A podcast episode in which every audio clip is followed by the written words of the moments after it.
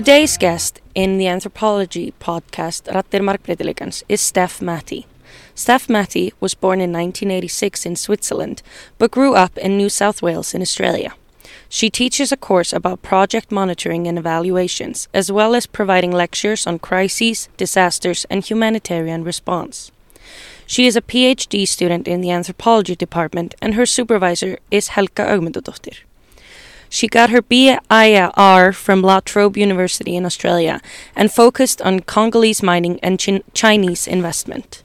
Her master's degree was in international studies in the University of Geneva, where she studied on sexual behavior of humanitarian workers to try and stop exploitations and abuse. Steph has worked in Pakistan, Myanmar, and Afghanistan. She is now researching in Iceland. Do you want Steph or Stephanie? Go with Steph. Steph. Yeah. Okay. So hi, Steph. Hi. Um, I just first want to ask you what led you into anthropology. Why did you choose anthropology? Uh, so I think like the the real sort of impetus came from it because I worked in humanitarian response for about six years before I started the PhD. Um, and a lot of the focus of my work was doing these big uh, quantitative surveys uh, of the needs of people who were displaced. So I worked in Myanmar with Rohingya. I worked with people who were coming across the Mediterranean by boat to Italy and uh, and Spain. And I worked in Pakistan and Afghanistan. But like I had the feeling after a while that I, I was somehow taking really difficult situations that people were facing and then Uh, just kind of boiling them down into numbers and, and putting them into graphs and and like I tried to do a little bit throughout these like surveys that I was doing, like to to bring out the human element, like having some photographs and having quotes from focus group discussions and things like that. But I, I feel like I was sort of like yeah losing the the humanity out of it in a little way. Yeah. So. Uh, then I started thinking of anthropology as a way to be able to really engage with people's stories and and to be able to sort of showcase their stories and give a platform to their stories because I think that's so important and it's such rich information. Yeah, absolutely. So you get this kind of human factor that often gets lost when you're doing numbers and, and exactly and stuff like that. Exactly. Yeah. But what led you to Iceland? To Iceland? Uh, so I first came up with the idea uh, when I was coming to the end of my time in Pakistan. So I'd just done three years in Pakistan and Afghanistan.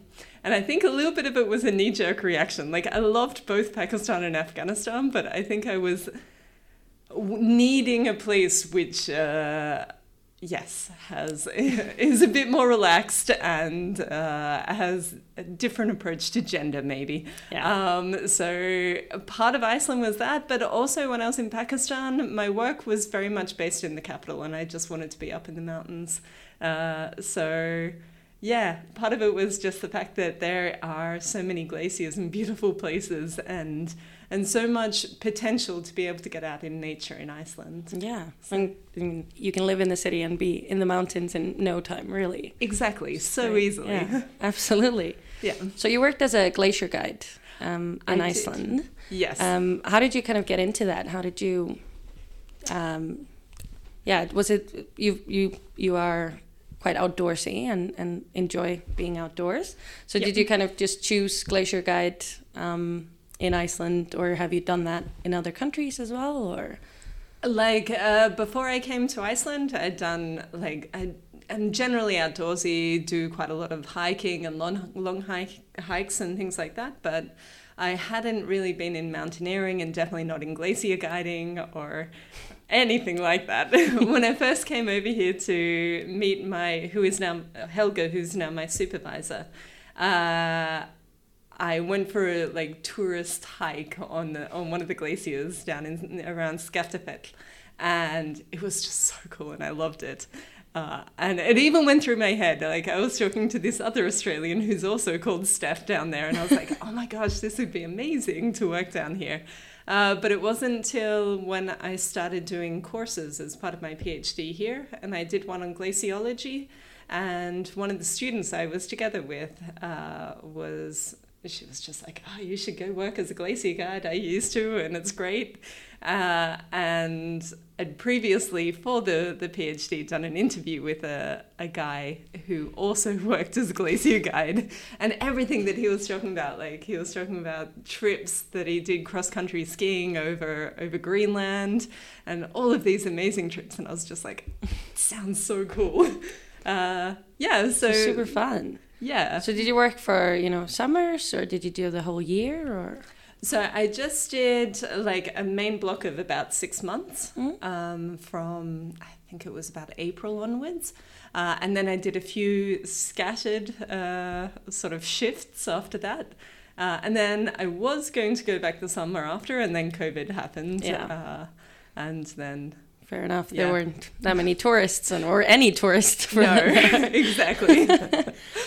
so were you working in Skaftafell then or? Yeah, yeah. Uh, between that and a little bit uh, towards the end, more uh, at Sólheimajökull. Yeah. But- I've done glacier walking there uh, with a Oh, friend of mine. She used to be a guide there. It's super. It's a fun activity because it kind of surprises you how much you can do. It's so It's cool. so cool. And it's such a beautiful landscape Yeah. to be out there. And I before I came here, because my dad used to do mountaineering in Switzerland when he was much younger than now. uh, and he was like, okay, like go on the glaciers, but make sure you only ever go with a guide. You must go with a guide. Do not go on your own.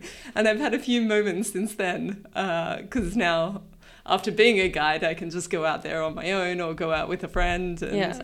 I was just like, yeah, okay, Dad. Classic. and it's interesting because you with the glaciers um, you often you see so much within the glacier so you can see you know the layers of ash and everything so if Yeah. you're doing you know uh, going into crevasses and, and stuff like that you see so much yeah. which is kind of what your phd um, is is going into it's it's the people who live around there are seeing this this crack Yeah. so can you tell me a little bit kind maybe about you know the thesis that you're working on Sure. Uh, and I can also, if you like, go into a little bit of how I came uh, about doing this particular. Absolutely. Yep. Absolutely. Uh, so the initial idea, because I'd been in Pakistan working in humanitarian response, wanting to go to the mountains in Pakistan, uh, and my idea was to get back there and focus on gla- glacial lake outburst floods, um, just because that's one of the the sort of sort of uh, disasters that I was dealing with when I was over there, and and the Pakistani government was particularly ill prepared for these like big flash floods that happened up in the mountains. Um, so the idea was to go back there. Uh, but then when I was here, I had one sort of early interview, and uh, this woman was talking about the. So there's a, a fracture in the mountainside of Svínafellsheiði, uh, which uh, it's now they've found out it's uh, 1.7 kilometers long. Uh, this fracture. Uh, and it goes deep down in the bedrock, and it's on a bit of the mountain that rises almost uh, 500 meters above the glacier. Uh, so there's a potential that it falls down and it could sort of take some of the glacier with it and, and head down to the, the proglacial lake and potentially cause a tsunami there or flooding there. Um, so, uh, yes, and and it could be a huge amount uh, of debris that comes down. Like they estimate it could be between sixty and hundred million uh, cubic meters uh, that that is involved in it um, of debris. Uh, so, and as I was talking uh, with this woman, she was saying that like uh, it's a really different kind of hazard to what people are used to dealing with and what risk managers uh, are used to dealing with here in Iceland. Because it hasn't really happened to have like a, a large landslide onto a glacier into a lake that affects or the to which people and infrastructure are exposed to here in Iceland. So Yeah. yeah, like it happens with avalanches, Yeah. and somehow since 1995 you have more of a, a risk management system set up there, Yeah. and with the landslides a bit more. Uh, Absolutely. yeah. Uh, so then, uh, because I'm in anthropology, I, I'm really interested in the human side of things. So Mm. Um, I've been looking at it uh, from looking at risk management and the risk management processes. Uh, so um, through the interviews that I did with people in uh, in the area, uh, one thing that came up is they were always talking about sheep gathering. Whenever I was talking like about Svínafellsheiði and the fracture, it was like sheep gathering. I was like, okay, uh, what's going on here? Uh, because I was trying to get local knowledge, but I thought it was going to be uh, because I have friends here at the university who work on folkloristics, and and I thought there was going to be like troll stories and elf stories and all of this stuff going on, and then I got out there and they were like, "No, there's not a lot of that here." Uh, but but have we told you about sheep gathering? Yeah. we like, love our sheep. Oh yeah. uh, yeah, so I ended up looking into that and, and joining on uh, on the um, the gathering of the sheep uh, one of the autumns, and and what I really discovered is that. Um, in the absence of having sort of a land survey of landslide risk, uh, that these the sheep gathering actually represents a way that people go out and do this unofficial survey of the land because they it's not like when you go hiking and you go on like one set route yeah with the sheep gathering you kind of go all over and it's the same group of people going out every year so they're really they've got a really good understanding of the land and changes in the land so yeah. i think it was no surprise that actually when they discovered the fracture it was farmers who were going up and gathering sheep who, yeah. who discovered it uh, so I looked a bit at that and uh, looking also at risk communication. Um, do you want me to go into details about that? Go one? into every okay. every detail. this is so interesting to me because because I I haven't heard about this crack um, before. You know, reading up for this interview, so I had no idea about this. So definitely go into details as much as you want. Thank you. um, so one of the and sort of I've written up three different articles, so that's why it's sort of as I'm telling you about it, it kind of falls into three main yeah. categories. uh, uh, but another angle that I looked at was on risk communication. Uh, so you have uh, a lot of the people, as you would know, um, who are working down there are uh, either foreigners or Icelandic, and they're they're sort of temporary workers or yeah. sort of in the Seasonal. area. Exactly. Yeah. Uh, or even if they keep going back, it's not like they're Icelandic local inhabitants who have been there for yeah. generations um, and working in, in tourism. Uh, and what I found is that they're this they play this really key role uh, because in in the event of an emergency or if something happens with the fracture, when I was talking with the tourists, they were pretty clueless about what they would do. They would like, we would just go to the, the nearest sort of people working in tourism and, and ask for what to do. Uh, so there was like a nearly, and you see that around the world, that there's yeah. this really strong dependence of, of tourists on tourism employees for uh, sort of emergency procedures. Um, so, but that group of people weren't really being involved directly in in risk communication strategies and risk management. It tended to be like it, it's well set up. Uh, and it's very like has a strong emphasis on participation here in Iceland, which is great. But most of that participation at the local level team seems to be focused on Icelanders. Uh, mm. who have lived in the area for a long time, uh, whereas people who are working in the the tourism sector tend to there's an assumption that there'll be sort of a, a trickle down effect with the information or that some information will be passed on yeah um, but what I found was people didn't necessarily have a good understanding of the hazard or of uh, what they should do in the event of a hazard and what their role would be. Yeah. Um, and because they play such a critical role, if something happens, I sort of highlight that as a bit of an issue. So is the risk kind of information more in Icelandic or is it available um, in other languages or is it just mainly, mainly maybe focused on, on Icelanders? Some of it's available in other languages. Some of it's available in English. Um, but it's sort of like there's some stuff online but then the assumption is that people have to go out and look for it and, Yeah. and access it.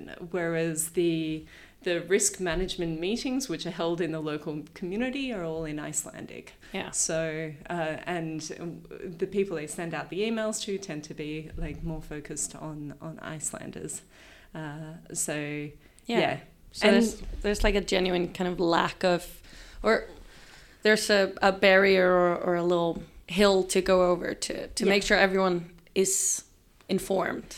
But there's things that make that really difficult as well, and, and I understand those difficulties because like some of the the workers there, uh, they maybe they only come for one season, maybe they're there for a, a couple of months and they never come back, and and there's this sort of high turnover of staff in the area, so that means that you nearly have to have an emphasis on sort of the the ongoing awareness raising amongst Yeah. uh, this demographic. So so it's quite a lot of effort that would need to go in there. Yeah. Yeah. And is this something that you know you're you're trying to uh, have them put more effort in, or are you just kind of monitoring it? I guess ideally, this is the most recent article that I put together, so I haven't really uh, Yeah. gone and uh, done too much to communicate my findings. Uh, but I will do that. That's sort of Yeah. the next step is to uh, go and present the findings at uh, like Veðurstofan or Almannavarnir and Yeah. uh, also in the local community. yeah, definitely. But I haven't done that yet. So this is um, what the the Skaftafell area, um, and then uh, what's the little where the little gas station is? Um, yeah, this area. Yeah. So all of this area will, in case of of this crack going down, will go under this debris or.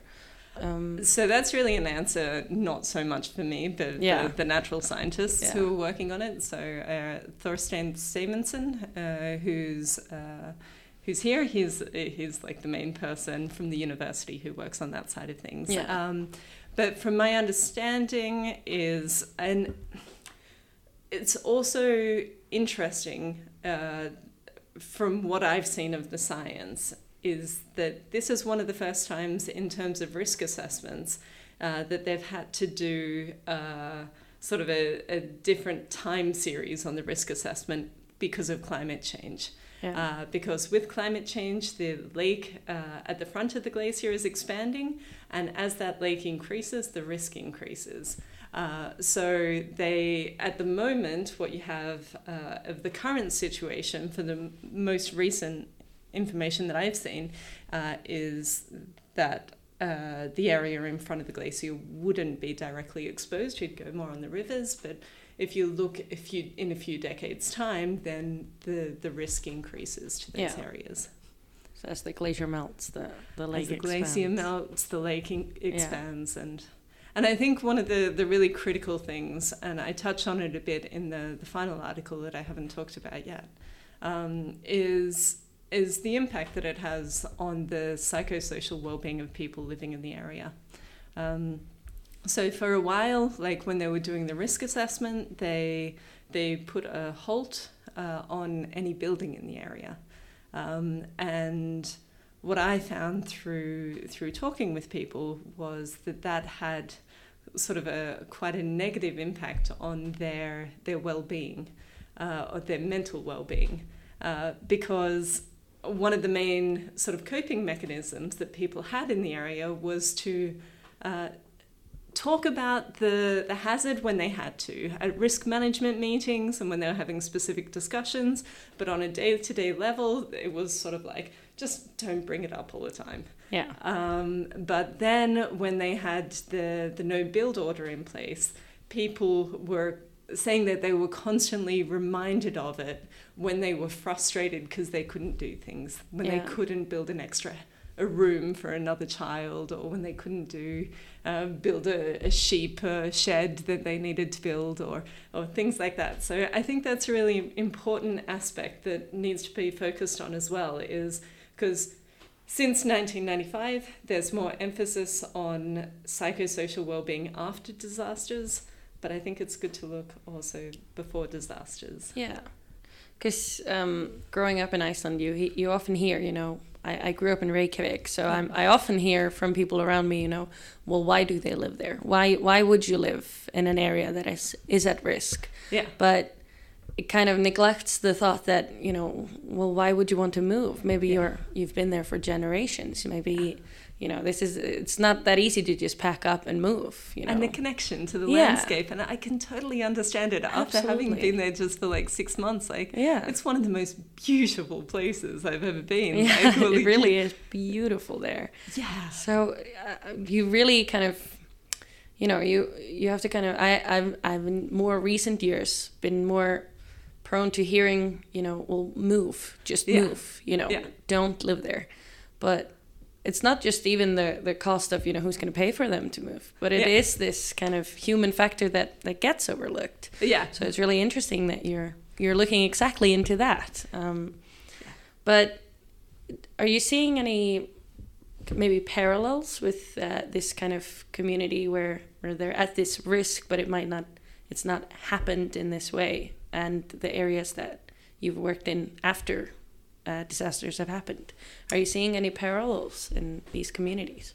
So some, uh, but actually, so the, parallels which are on my mind even more at the moment is uh, so for the final bit of my research, I want to look at a community in Greenland.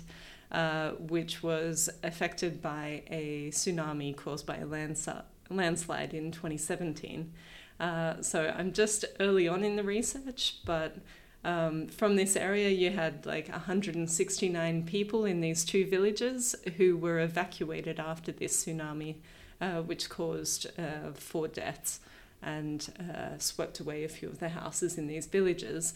Uh, but they quite quickly sort of came in and evacuated everyone out and they put them on permanent evacuation so no one could return. Um, so I want to look at the comparison uh, a bit there um, of of the response and how decisions are made and how people are sort of local people are included and participate in the, the risk management procedures. Uh, because while I can point out uh, things that could be improved here, uh, the level of participation from what I've seen so far here in Iceland is so much more uh, than what what you see in Greenland. Yeah. So, you like you mentioned these meetings that they have, and, and exactly. so they can put in their input. Yeah. Um, is this uh, no build order? Is it? It's still there, and they're they're kind of. How long has it been since they put that in? Um, Uh, so, as far as I know, and uh, again, it's something that uh, I am not actually the, Yeah. the expert on. uh, but as far as I know, that no build order is no longer in place. Uh, it was in there for, I think, about two years, uh, just while the assessment was being done. yeah. Uh, but um, what I had people telling me from the area is try and make sure that that's not done again, that people are sort of left in this limbo for for such an extended period of time while they're doing the assessment.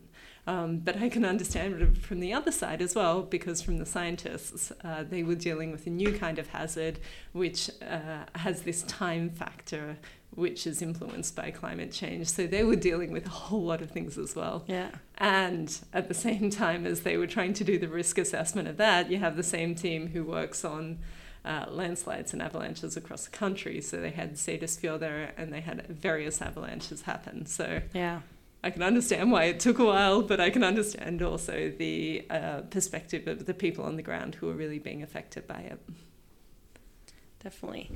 Um, so, how are you conducting your field work? Are you just going out and interviewing them, or Uh, yeah, so it's sort of uh, evolved over time. Uh, and uh, especially at the beginning, I was quite nervous about going and talking to people living in the area uh, because I was worried that I would add to the anxiety or stress of people living in the area. Um, so I sort of started more with scientists and risk managers and trying to build an understanding of what was actually going on and sort of checked in with them whether they thought it was okay if I talked to people in the area. Uh, and then I started doing some of the interviews uh, in the area and with with foreigners living in the area and with locals living in the area. Uh, and that was also around the time when I did this sort of six months of living in the area um, and doing active research while I was working as a glacier guide. So I, that gave me a really good grounding, and it it sort of made me feel more of an anthropologist by like actually getting my feet in the soil a bit or, or on the ice as it may have been uh, in the area. So you're doing like participant observation. Exactly. Really? yeah, yeah. Uh, and even sort of director participation and, Yeah. and, and reporting on that. Um, and I went and I, I did participant observation on two uh, sort of scientific monitoring missions and on the sheep gathering and on some of the risk management meetings and things like that as well.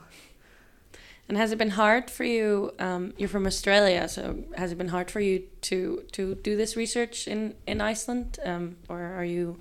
Is it okay not speaking Icelandic, or Uh, generally, I found people to be just really lovely and really open and uh, and just very willing to talk to me, and, and all of that has just been really wonderful. Like I'm, I'm sort of a, a bit sort of bowled away by the by the reception of it all. Um, but of course, uh, it would be a lot easier, I think, if I spoke Icelandic and I could do things in Icelandic. Um, but quite a lot of the people uh, who I interviewed down there have a just remarkable level of English. uh, I think especially because there's so much tourism in the area. Um, there was one interview that I did uh, with the help of a translator, but uh, otherwise, uh, I think, yeah, uh, it's actually due to the the amazing level of, of English of many Icelanders, and I'm sorry that that uh, uh, enables me to get away with my terrible level of Icelandic. Um, but yeah, that's that's really helped. Um, yeah, yeah? And I mean, it, it probably definitely helps to to have another perspective. Yeah. Um, yeah, you know, this kind of the, the classic anthropology of going to another country and, and conducting research is is always interesting. I think so. And I feel like also in terms of living in a place which is at risk from some pretty big natural disasters, like I've, I've had it a few times in the research where people have sort of drawn parallels with, with Australia and, and can sort of they understand that I understand what it's like to live in such an area because I also grew up in a place which is affected by bushfires and and you know all the snakes and spiders that everyone hears about and all of this. Um, but I talked to one woman uh, who lives in an area which is potentially affected, uh, actually not down in Öræfi, but another effect, area potentially affected by uh, glacial uh, flooding. Uh, and she was saying uh, that her husband had gone across. She was like, "Oh, you would understand this because like my husband went across to to Australia and he arrived there and he apparently just went out and was drinking maybe like liters of, of beer in the sun all day. Basically got sunstroke was walking through this long grass and it's like all of the things you would never do. It's like Yeah. do not go in the long grass. That's definitely how you like get bitten by a snake. Uh, so all of these things. And she was just like uh, it's the kind of things you just get you have an understanding of how to react Yeah, uh, in relation to risks when you live in a place. absolutely. and yeah. I can totally understand. Yeah. When she was saying that, I was like, oh yeah, you don't do that. Yeah. yeah, so you know all these like kind of small things that you know coming from Reykjavik, um, it's not so much a, a thing that, but there are also things just even driving in different countries and oh yeah. stuff where you just kind of you just know it's Yeah. You can't teach it, you just know. Even the last few like weeks of being in Reykjavik Yeah. with the crazy like storms coming through Yeah. with like with the wind up to like all the snow. exactly. Like how do you drive? Um, you just drive. I don't know. You just do. I, Terrifying to get used to. Absolutely terrifying. So I kind of want to also just kind of pivot over to Sure. Australia because um, I did my bachelor thesis on Australia, on bushfire in Ah. Australia. Ah. And, um, um, so whereabouts in Australia are you from? Uh, so I grew up first inland in New South Wales from Sydney, but um, then from when I was about 11 till the end of high school, I was on the south coast of New South Wales. So about 400 kilometres south of Sydney. Uh, and it's one of the areas that was, it's absolutely beautiful there. Like it's beaches and it's just it's really lovely. Uh, but it is one of the areas that was quite badly affected by the bushfires. Um, what is that now? Two years ago. Yeah. Yeah. 2020. Yeah. Yeah. So, what kind of got you coming from Australia, where we've spoken about everything's dangerous there, or kind of that's the myth? Uh, what got you into this kind of disaster relief? Was it living in a kind of a risky area, or? Actually, not at all. Uh, terribly, no, it should be. that would be the obvious answer. Um, no, I did my master's in uh, sort of my undergrad and my master's were in political science and international relations, uh, and I did my master's in Geneva. And part of the reason I went there was because I wanted to focus on African politics. Uh, and I was all about African politics at that stage of my life. Uh, but Geneva is such a humanitarian hub. And when I was there, I did some internships, uh, which just sort of opened up the humanitarian world a lot to me. And even at the end of my, of my, um, my master's, I really wanted to go to Africa. Uh, and I applied for a bunch of jobs, and I ended up in Afghanistan instead, and like headed more and more in the direction of disaster response. So, Yeah. so it Yeah. almost happened without thinking about it, but it's also something that is always it's such an interesting thing to work in, Yeah. um, and somewhere where it feels like I can hopefully try and help people, so to improve systems and things like that. Definitely. Feel like this is kind of a um, a theme throughout all the interviews we've been doing. It's kind of like, oh yeah, I just kind of ended up here. Oh, I just kind of, it just happened. I don't. Yeah, I did made some decision, and, which is It's very interesting. It's a very kind of people of social sciences Yeah, probably end up like this. And I feel like that's the thing. Like when nearly when I take a next step, I always think that probably where I'm going to end up for the next ten years is going to be something. This leads to something else, leads to something else. So you're kind of like, is this like a, a general path that I want to head down, or or where do I want to go? That's the beauty of anthropology. You can just oh, yeah. kind of apply it to anything. yeah, yeah, and end up working on compost, or, Yeah. or disasters, or or anything. anything you want. How Just- did? Can I ask questions back? Sure.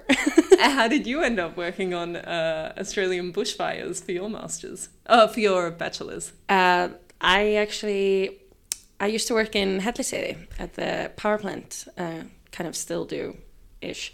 Um, and an Australian tourist walked in, and I used to be obsessed with Australia. Uh, Yeah.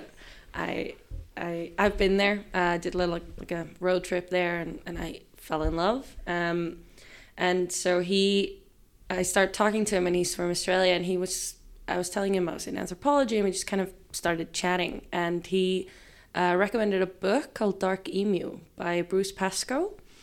And I don't know, I just kind of grabbed onto it weirdly. Yeah. And so I, I read it, or I read, you know, the first part of it, and I was like, this is so interesting. Um, and then I did a couple of courses where I, I just kind of wrote a, a paper or two about, you know, bushfire in Australia.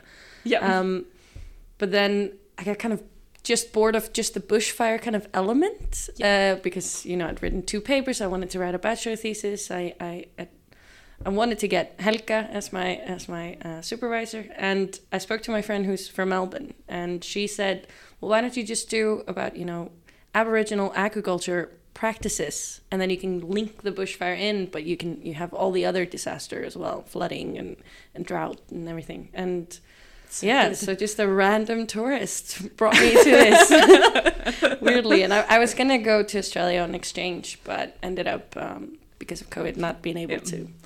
So yeah, so you also follow the trend of just sort of stumbling into things in anthropology. so it's a it's a classic theme of people in anthropology. I feel. I think Um, so. even just going into your bachelor's, I see a lot of people, you know, who are with me in their bachelor's is like, yeah, I did this, I did that. You know, I lived in Denmark, tried to do an anthropology there, ended up you know, I was doing business and anthropology, didn't like the business aspect, came home. Yep. Wasn't I was going to go into journalism, ended up in anthropology. Like everything is just kind of It's so good. it's just all kind of oh, just kind of ping pong around the world. I think that's kind of the beauty of anthropology. I love it as well. Like I, I said before, but I just to like reiterate, I love like the scope of what Yeah. you can do in anthropology. That you can really yeah. look at so many different things. Like anything that kind of uh, brings in people, you can look at from an anthropological perspective. And then I was reading stuff about microbes and Yeah. uh, that don't don't even have humans involved or like deep sea exploration and they're like oh we're not even going to talk about the people we're just going to use anthropology as an Yeah. approach to, It's to so interesting. I like, oh, I love it it's so fun, kind of. It's it's it's such a broad um, study. Or, Yeah. yeah.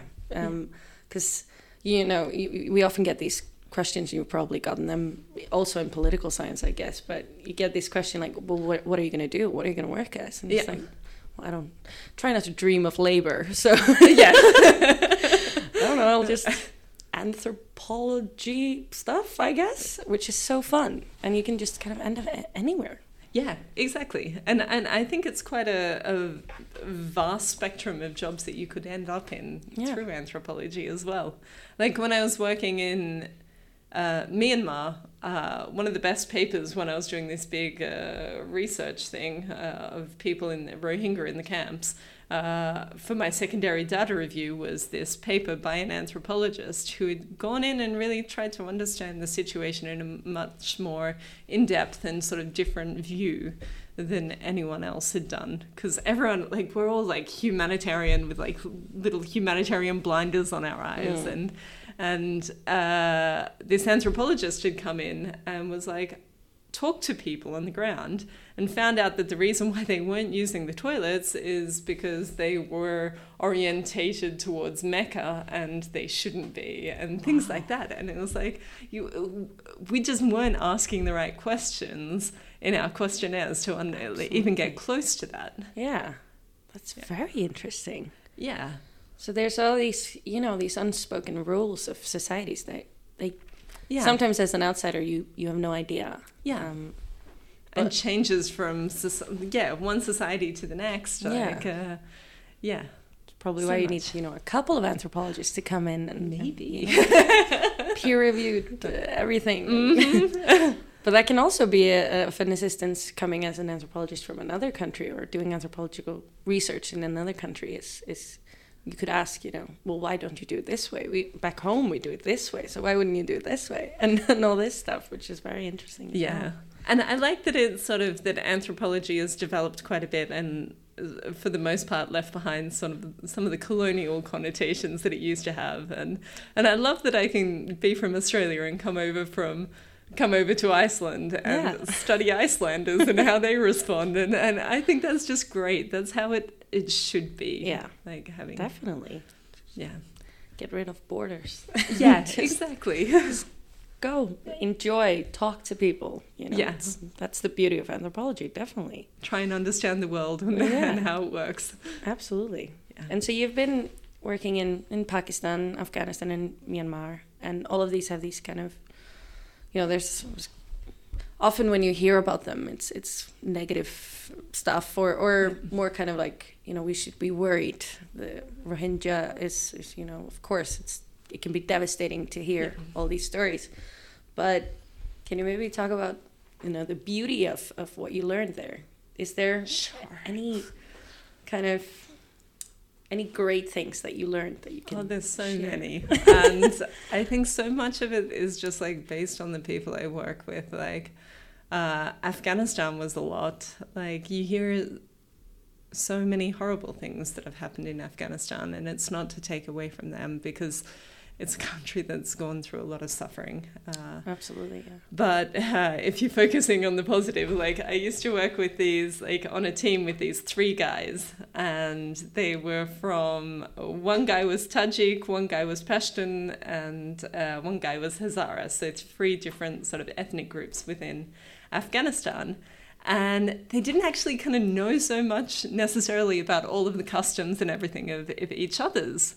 Uh, groups because there's not always that much sort of uh, crossover.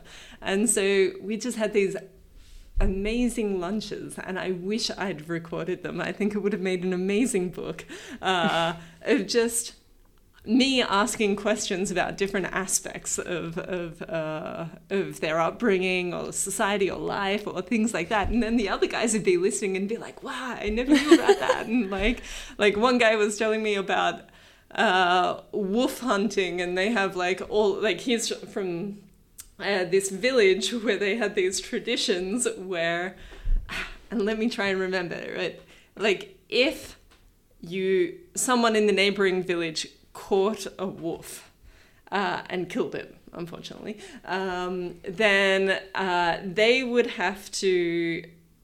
You would, uh, your village would have to throw a festival. His village would have to throw their village a festival, and like big f- feast and everything. However, if you manage to have someone from his village to go over and steal the wolf carcass from the other village, then everyone in their village had well First of all, one person from their village had to get dressed up in the carcass and get paraded around town on a donkey. Uh, but then everyone in their village had to uh, have a festival for, for his village. anyway, but I think I showed too much interest in this, and and my friend Homayun, who's just the sweetest man ever, was just like, "Do you want to? Do you do you want to go wolf hunting. and at the time, I was like, I'd been a vegetarian for five years, and I was like, uh, sure. and so, anyway, things escalated, and and but really, I told him what I really would love to do is go and like visit the area where he's from, and like and meet his family and like see his culture. Uh, so we ended up actually going there, and it was right. It was in a sort of tense period in Afghanistan. It was right before the presidential election when Ashraf Ghani was elected. Um, but we managed through all of these risk assessments and everything, and putting all of these plans in place uh, to go on this 10 day expedition uh, over this plateau in the center of the country, uh, and it was in winter. So it was like we had to hike in for two days over this plateau and this pass. Uh, and then we were on donkeys for two days until we finally made it to his village. And they were just the loveliest people, the most hospitable people you can ever imagine. Um, and yeah, and then and as we were there, he was like, "All right, should we go out and hunt the wolf?" Uh. and, and, and wolves are basically endangered in the area, so I didn't think we'd actually find wolves, but I was like, hmm, isn't there too much snow? I'm not sure. I was like, all right, let's let's hunt a bird instead, and I was like, oh. Uh, but yeah, so I didn't actually have to go wolf hunting, but I had the most incredible experience with That's him. So interesting. Yeah. And what a good kind of yeah, what a fun story because you know when you're doing research it's it's about these little moments every time you read an ethnography or, or research from other people it's it's these little little stories or that even can create an, another research question for them yeah. it's so interesting yeah and just the life he had as well like he was from one of the traditional ruling areas of this um, uh, ruling families of this area and so they'd sort of had to sneak out in the middle of the night when the Taliban took over. Uh, and sort of like it was the last time that he'd gone over these mountains was as a kid. Uh, mm. sort of escaping and and then he, they also in the family they had these old swords uh, it, it nearly felt a little bit like Game of Thrones. like, this, like apparently the Shah in Iran had four swords and he distributed them across these like uh, four main sort of tribal strongholds of uh, of the region, and they were all different shapes. So the one that they had was like a hook uh, and with emeralds in it, and all of this. Wow, so cool. Yeah, that's anyway. so interesting. That's very interesting. Wow. but if uh, if it's useful, I think in general, like the best thing that I have from like living and working in all these places, it's always the people. Like, and yeah, like in Myanmar, the people that I worked with uh, were just amazing. Like I'm still in touch with some of them, and they're the people who make me love the work that I used to do. Uh, yeah, and often in a lot of places it was the drivers. Like you get to know the drivers more because uh, you you spend so much time with the drivers. Like in Pakistan, I had this one driver, and I got in the car one day, and he had these like big leather gloves, and he was just putting them on. And he's a funny guy, and he said, "Yes, I'm going to be your uh, your kidnapper for today." with such a smile on his face, and I was like, "Wonderful." he was not my kidnapper for the day. just a driver. Yeah, just a driver with some very fancy chic gloves. That's so fun. Yeah. Were you in um, in Pakistan? Were you mostly kind of in the mountains because of this these glacier or? Or? Sadly, no. I wish. Yeah. Um, so the work that I was doing, I did two different jobs. First with uh, International Rescue Committee, uh, and that was mainly doing one of these big assessments of people who'd been displaced uh, in the the tribal areas of Pakistan, so the border with Afghanistan.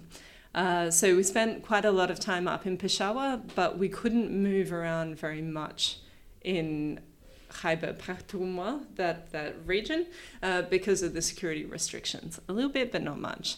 Um, and then in the second year, I was working with the UN um, and Unfortunately, I was just very based in the city.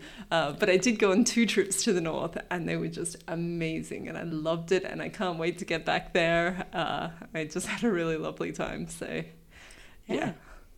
Great. so, kind of this change of, of scenery to go to Iceland, and, and like we spoke about in the beginning, to go kind of be able to go into the mountains and, and Exactly. And exactly. do what you want. it's definitely more accessible here. Yeah. Like over there, uh, it was a plane to the north, and then you sort of nearly have to have a guide around in the north.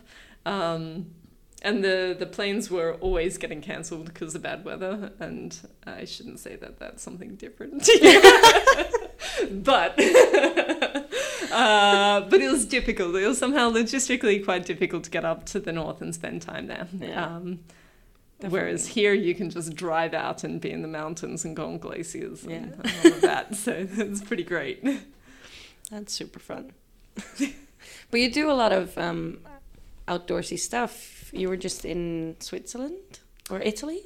I was in Italy. Yes. Uh, I broke my arm in yes. Italy, so I feel like I'm going through a period of doing absolutely no outdoorsy things yeah. right now. But uh, for the most part, generally I do. So I'm in Björgunarsveit yeah. uh, in Kopparberg. Actually, oh, really? Your neighborhood. Uh, yes. Uh, so how did you get into Björgunarsveit? How do how do how do you find Björgunarsveitin? I, I feel like that's that's one of the things where Icelanders are just like, yeah, it's Björgunarsveitin, it's there, kind of. Yeah. Especially maybe us in, in who grew up in Reykjavik and haven't done a lot of this. yeah, yeah. Uh, so it had been on my radar because I had a few friends who had done it and just raved about it essentially and, and said it was like some of the best years of their life was like doing the training and going out as a group and learning all this stuff. And I was like, oh, I'd love to do it. Um, but then uh, there was the issue of uh, my subpar level of Icelandic. Uh, so I'd gone to one of the rescue teams for like an induction meeting and realized pretty quickly that with my Icelandic it wasn't going to work.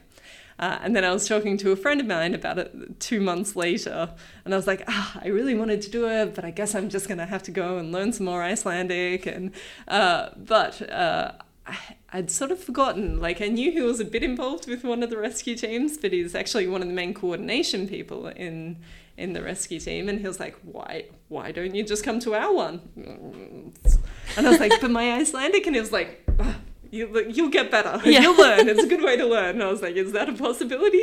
Uh, so I ended up going along and, and joining that uh, rescue team, and I'm, I'm so happy for it. It's such a great team. Yeah, so. super fun. And yeah. get this kind of group of people and, and who are like minded and, and yeah, from what I see from my friends who are who are in it, they it's this like-minded kind of mentality of people who do it and with they go on hikes and they do a lot of stuff which is super fun yeah and i can't believe this thing of like now like to go out training is essentially just doing the stuff that I would love to go out and do in my spare time anyway. But uh, that's that's good training to yeah. go out skiing and ice climbing and uh, and going out in rough conditions and all of that. So it's really good. Plus, you learn a lot of kind of great skills. Exactly, to, and to help people. Yeah, it's and great. for a person who likes to be outdoors and in the mountain, it's good to have those skills as well. It's very good to have those skills.